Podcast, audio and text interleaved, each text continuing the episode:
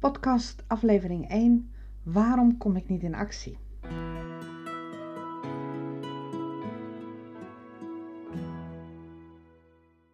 Hi, welkom bij deze allereerste podcast van mij. Ik ben Monique Stam, counselor coach voor vrouwen, waarbij ik vrouwen help weer de blije versie van zichzelf te worden. En keuzes te gaan maken waar ze echt gelukkig van worden en die bij ze passen. Nou, de bedoeling van deze podcast is eigenlijk dat ik hoop je te inspireren, inzichten geef, wellicht wat informatie verstrek, zodat je spelende wijs toch handvatten bij krijgt, zodat ook jij nog beter keuzes kunt gaan maken voor de dingen waar jij gelukkig van wordt in jouw leven. En dan vraag je je misschien af waarom specifiek vrouwen? Nou, we weten inmiddels allemaal dat vrouwen anders in elkaar zitten dan mannen. En dan bedoel ik niet alleen maar lichamelijk. We functioneren ook anders.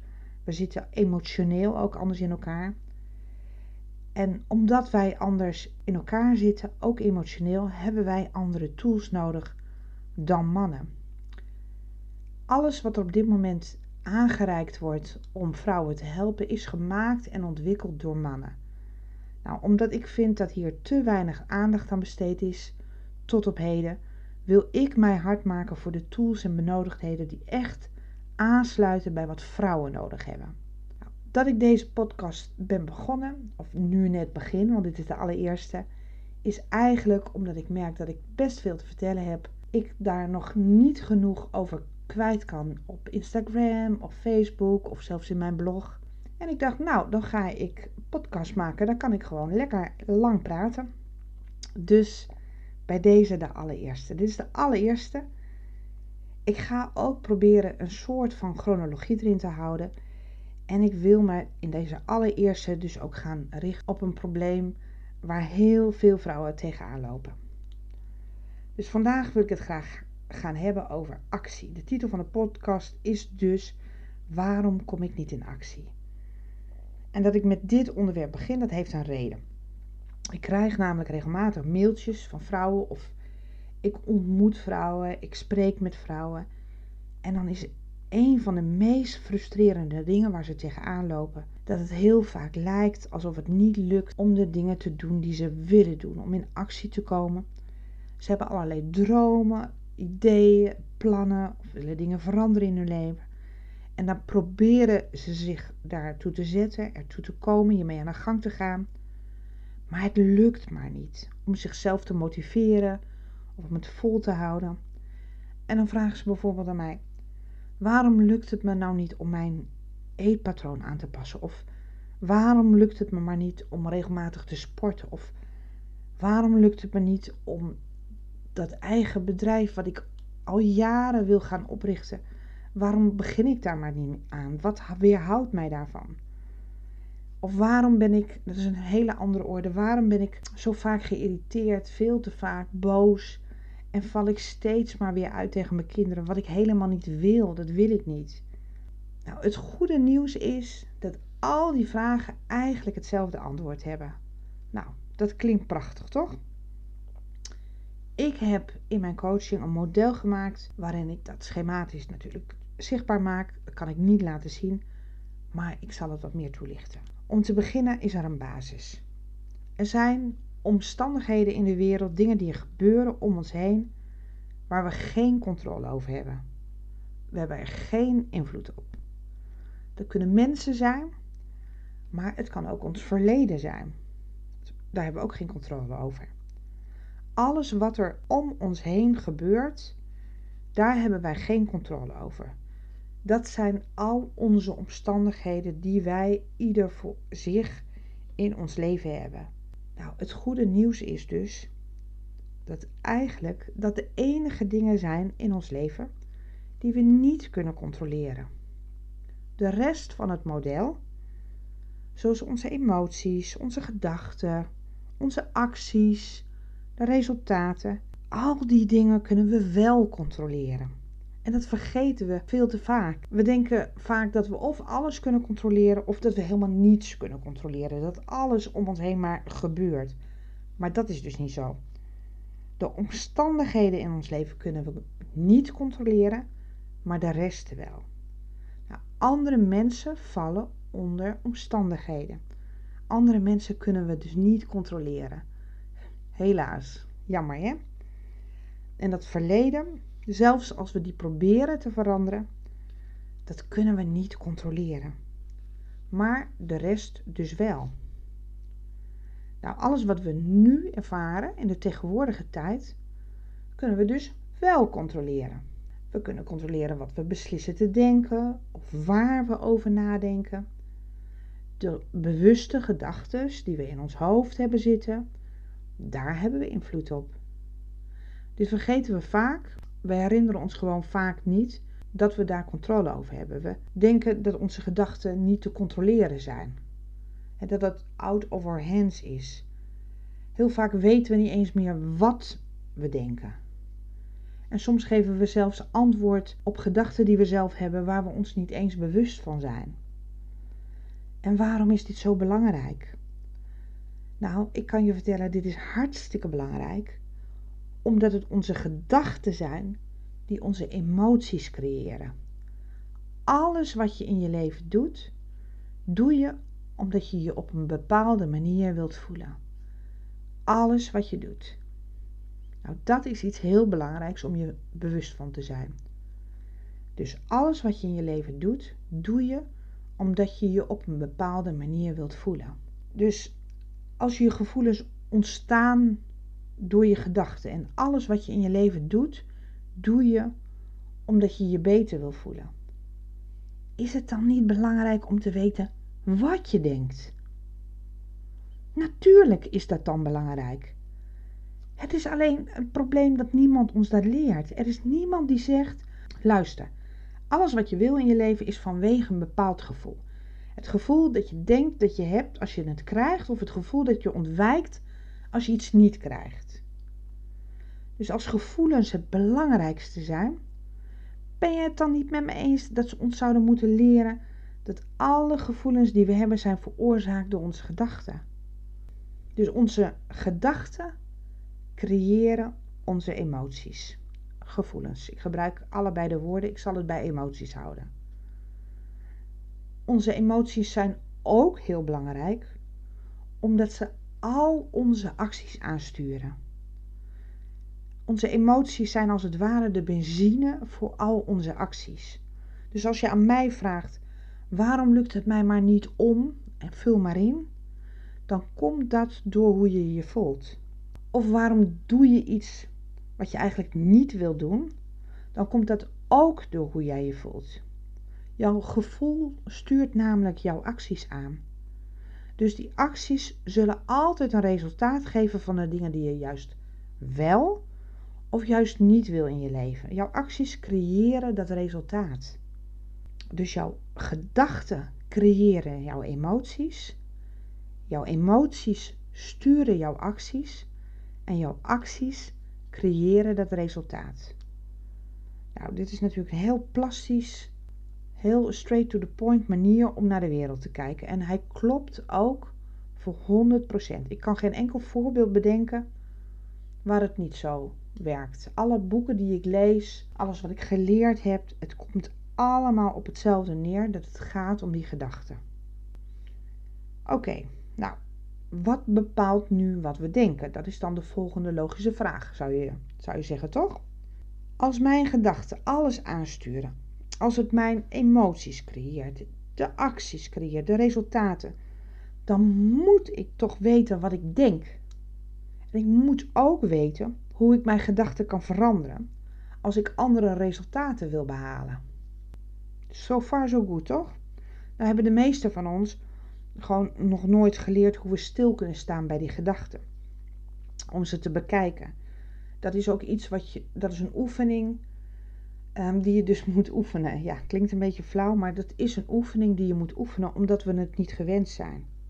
Wat ik ermee bedoel te zeggen is dat het proces om naar je gedachten te kijken en deze te observeren als het ware, ervoor zorgt dat je afstand neemt van je eigen gedachten. En de meeste mensen doen dat niet, die, we herkennen het vaak niet eens. En om in die afstandmodus te komen, moeten we ons distancieren van de gedachten die we hebben, zodat we kunnen kijken naar die gedachten en hier objectief naar kunnen deze kunnen onderzoeken. En dit is natuurlijk waar meditatie, vaak op gebaseerd is, toch? En nou ben ik zelf helemaal geen fanatieke meditatie um, beoefenaarster, om maar zo te zeggen. Dat kan ik niet uren. Ik ben wel iemand die graag visualiseert. Dat is weer een andere vorm. Maar ik kan wel zitten en naar mijn gedachten kijken.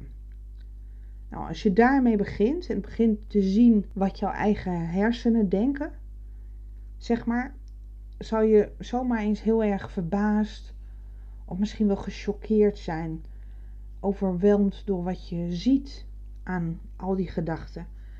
En misschien denk je dan opeens, oeh, nu snap ik het.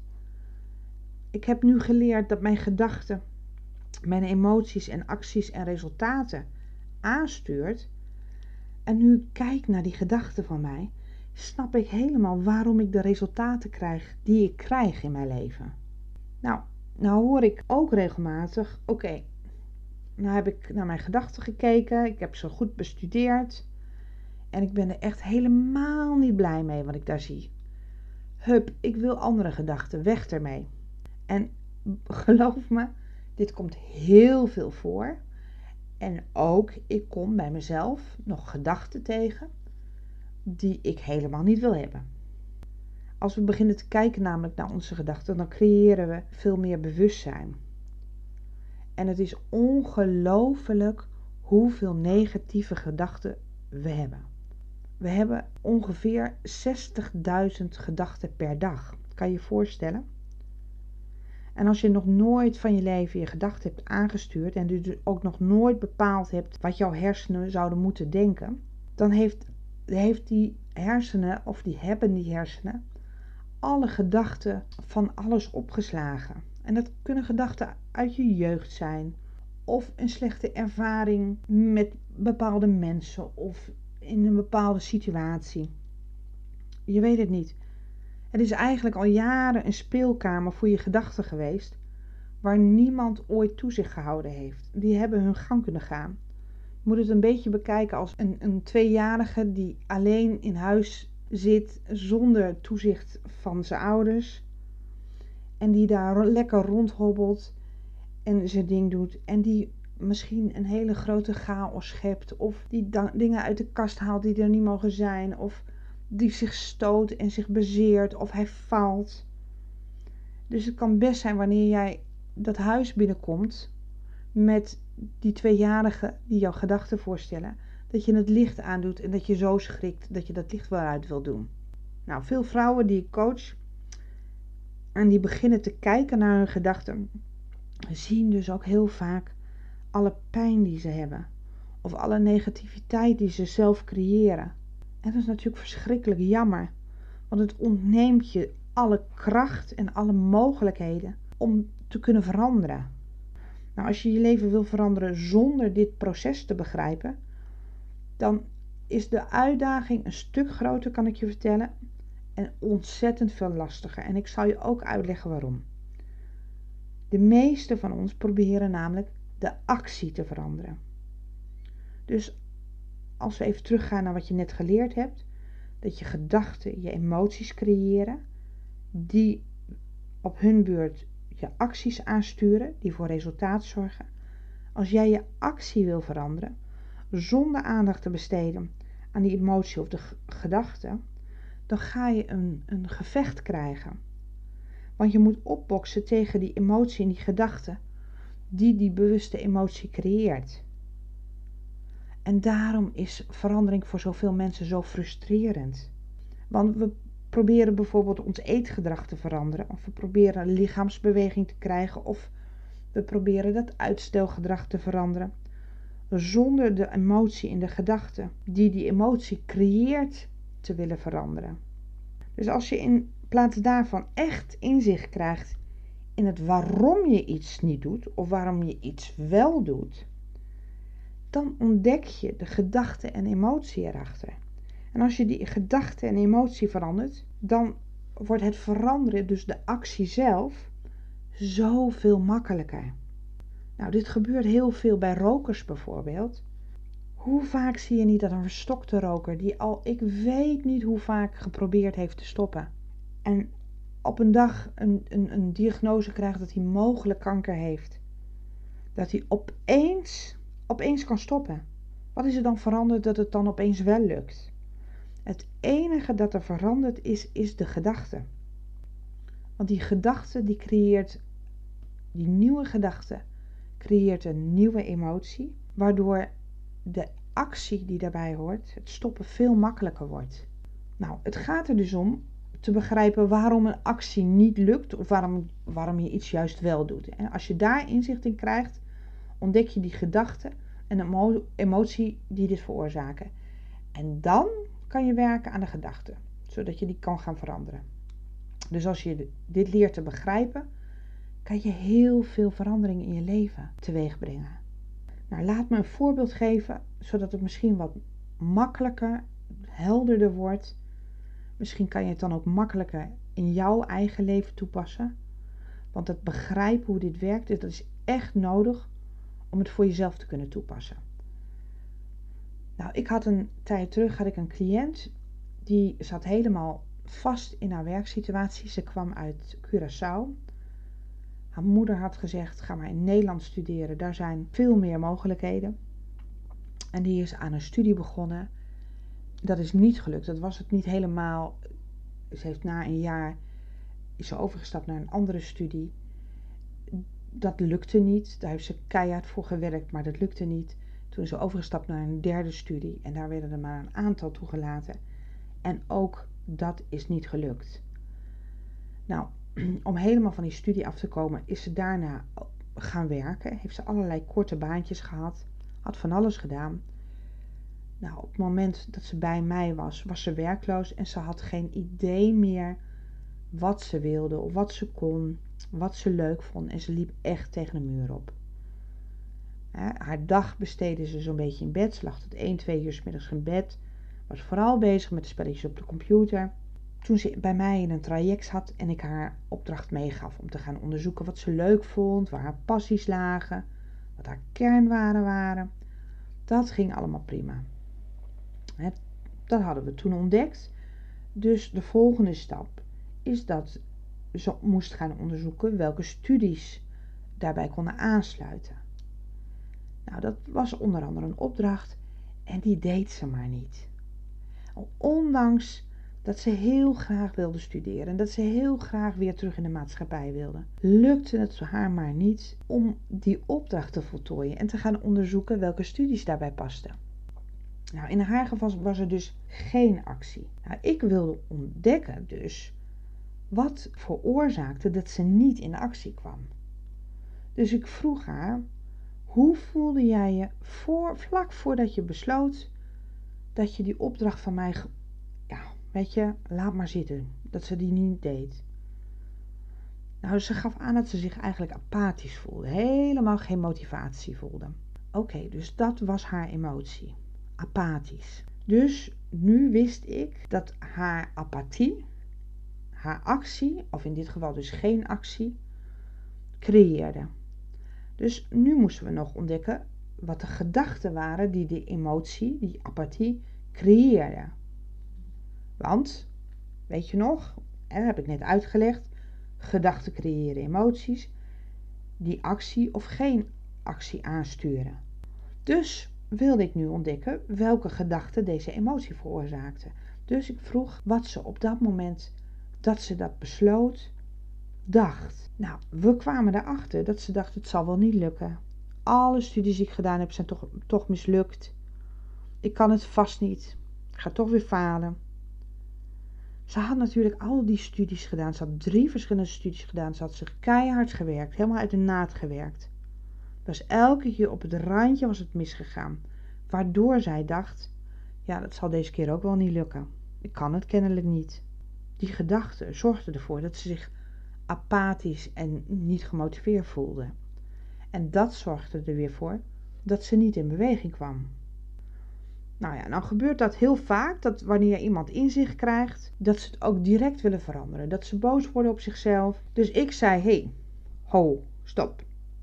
Laten we dit eerst gaan begrijpen. Zoveel vrouwen nemen zich dan meteen van alles kwalijk. Zichzelf. Maken zichzelf verwijten. Straffen zichzelf. Zijn veel te streng voor zichzelf. En dat is iets wat ik niet toesta. Geen verwijten meer aan jezelf. Vandaag niet, nooit niet, nooit meer. Wat we dan wel gaan doen, is begrijpen vanuit nieuwsgierigheid en fascinatie waarom je doet wat je doet. Want ik ben er heilig van overtuigd dat iedereen een hele goede reden heeft om te doen wat ze doen. Of juist niet te doen wat ze niet doen. Dus als we niet de tijd nemen om begrip en nieuwsgierigheid te hebben voor onszelf, hoe kunnen we dan eerlijk zijn tegen onszelf? Hoe kunnen we onszelf dan vertrouwen? Dus toen zij dit patroon zag en herkende dat ze zelf haar eigen apathische gevoel creëerde met die gedachten, die ervoor zorgde dat ze niet in actie kwam, werd ze boos op zichzelf. Waarom doe ik dat in godsnaam en ongelooflijk dat ik mezelf zo in de weg zit? Stop, ho, nee, dus. Als mensen zouden vertellen dat iets belangrijk is, zou jij er dan naar willen luisteren? Zou je niet willen begrijpen waarom ze dat zeggen? Dus heb dat begrip ook voor jezelf. Ook wanneer jij wil onderzoeken waarom jij denkt wat je denkt. Nou, en dit is eigenlijk meteen voor mij de essentie van wat coaching, counseling inhoudt. Dat je je openstelt naar jezelf, zodat je begrip en compassie krijgt voor jezelf waardoor je jezelf gaat vertrouwen, want daar moet vertrouwen ontstaan. En hierdoor kan je jezelf ontwikkelen. Nou ja, fijn. Even terug naar mijn cliënt. Ze besloot dat ze inderdaad, dat ze in eerste instantie alleen zou gaan registreren, zeg maar, wat ze dacht. Als het weer gebeurde. Dus ik vroeg haar ook niets te veranderen, gewoon geduld te hebben en eerst even volledig haar patroon te gaan begrijpen waarom ze dacht wat ze dacht. Nou, en toen zij leerde naar haar gedachten te kijken en deze te observeren met nieuwsgierigheid en begrip, en dat is dus heel belangrijk, en hierdoor te begrijpen waarom ze dit deed, en daardoor dus ook letterlijk niets deed, want ze kwam niet in actie. Het begrip bestond uit, ja, logisch, Logisch dat je bang bent dat het niet meer lukt. Je hebt drie verschillende studies geprobeerd, jarenlang gebikkeld. Elke keer deksel op je neus, daar zat het niet mee, daar haalde je het net niet. Het is begrijpelijk dat je bang bent dat het niet lukt. Bang bent om aan een volgende studie te beginnen. Dus toen zij begrip kreeg voor zichzelf en als het ware een band kreeg met zichzelf, doordat ze compassie toonde, het begrip is compassie tonen voor de angst dat dat niet zou lukken. Toen snapte ze ook dat het begrijpelijk was dat ze die gedachte had, in plaats van dat ze boos werd, zoals ze in eerste instantie deed. En toen pas was ze in staat te beslissen dat ze hier andere gedachten over kon hebben. Maar je kan niet echt je gedachten veranderen voordat je begrijpt waarom je die gedachten hebt. Nou, in de volgende podcast wil ik het gaan hebben over hoe je je gedachten kan veranderen en hoe je bewust gedachten kan creëren. Hoe je emoties creëert die je wil creëren. Maar ik ben er bewust niet verder op doorgegaan in deze podcast, omdat ik het belangrijk vind dat je eerst zelf jezelf begrijpt voordat je jezelf kan veranderen. Je moet vanuit begrip en compassie en liefde naar jezelf kijken, zonder oordeel. En van daaruit kan je stappen maken jezelf te veranderen. Je kan jezelf niet dwingen te veranderen. Of je kan niet veranderen door jezelf te straffen. Of het nou gaat om afvallen, of dat je iets wil doen dat maar niet lukt, of juist iets doen wat je wel wilt. Het lukt niet alleen maar met wilskracht, want dan vecht je tegen jezelf. Je daagt feitelijk jezelf uit met je eigen gedachten. En jouw hersenen houden ervan om zich te herhalen. Het houdt van patronen hersenen. Het houdt ervan om efficiënt te zijn. Dus als jouw hersenen en gedachten dezelfde gedachten hebben, gaat keer op keer op keer op keer. Jaar na jaar na jaar na jaar. Omdat er geen toezicht was op die speelkamer en het dus nooit verandering is geweest, dan kost het nou eenmaal oefening om te veranderen. Dus heb compassie en begrip voor jezelf. dus als je eenmaal begrijpt dat jouw gedachten jouw emoties creëren en dat die emoties je acties aansturen en dat het daarom is waarom je doet wat je doet of dat je juist niet doet wat je niet doet, dan wil ik graag dat je de tijd neemt, dat je geen zelfverwijt, boosheid hebt, maar dat je compassie en nieuwsgierigheid en begrip voor, je, voor jezelf toont. En oprecht onderzoekt, waarom heb ik die gedachten? Onderzoek met liefde en compassie waarom je die gedachten hebt. Want we hebben altijd een goede reden of een goede reden gehad waarom we die gedachten hebben gecreëerd. En pas als je daarachter bent, kan je deze veranderen.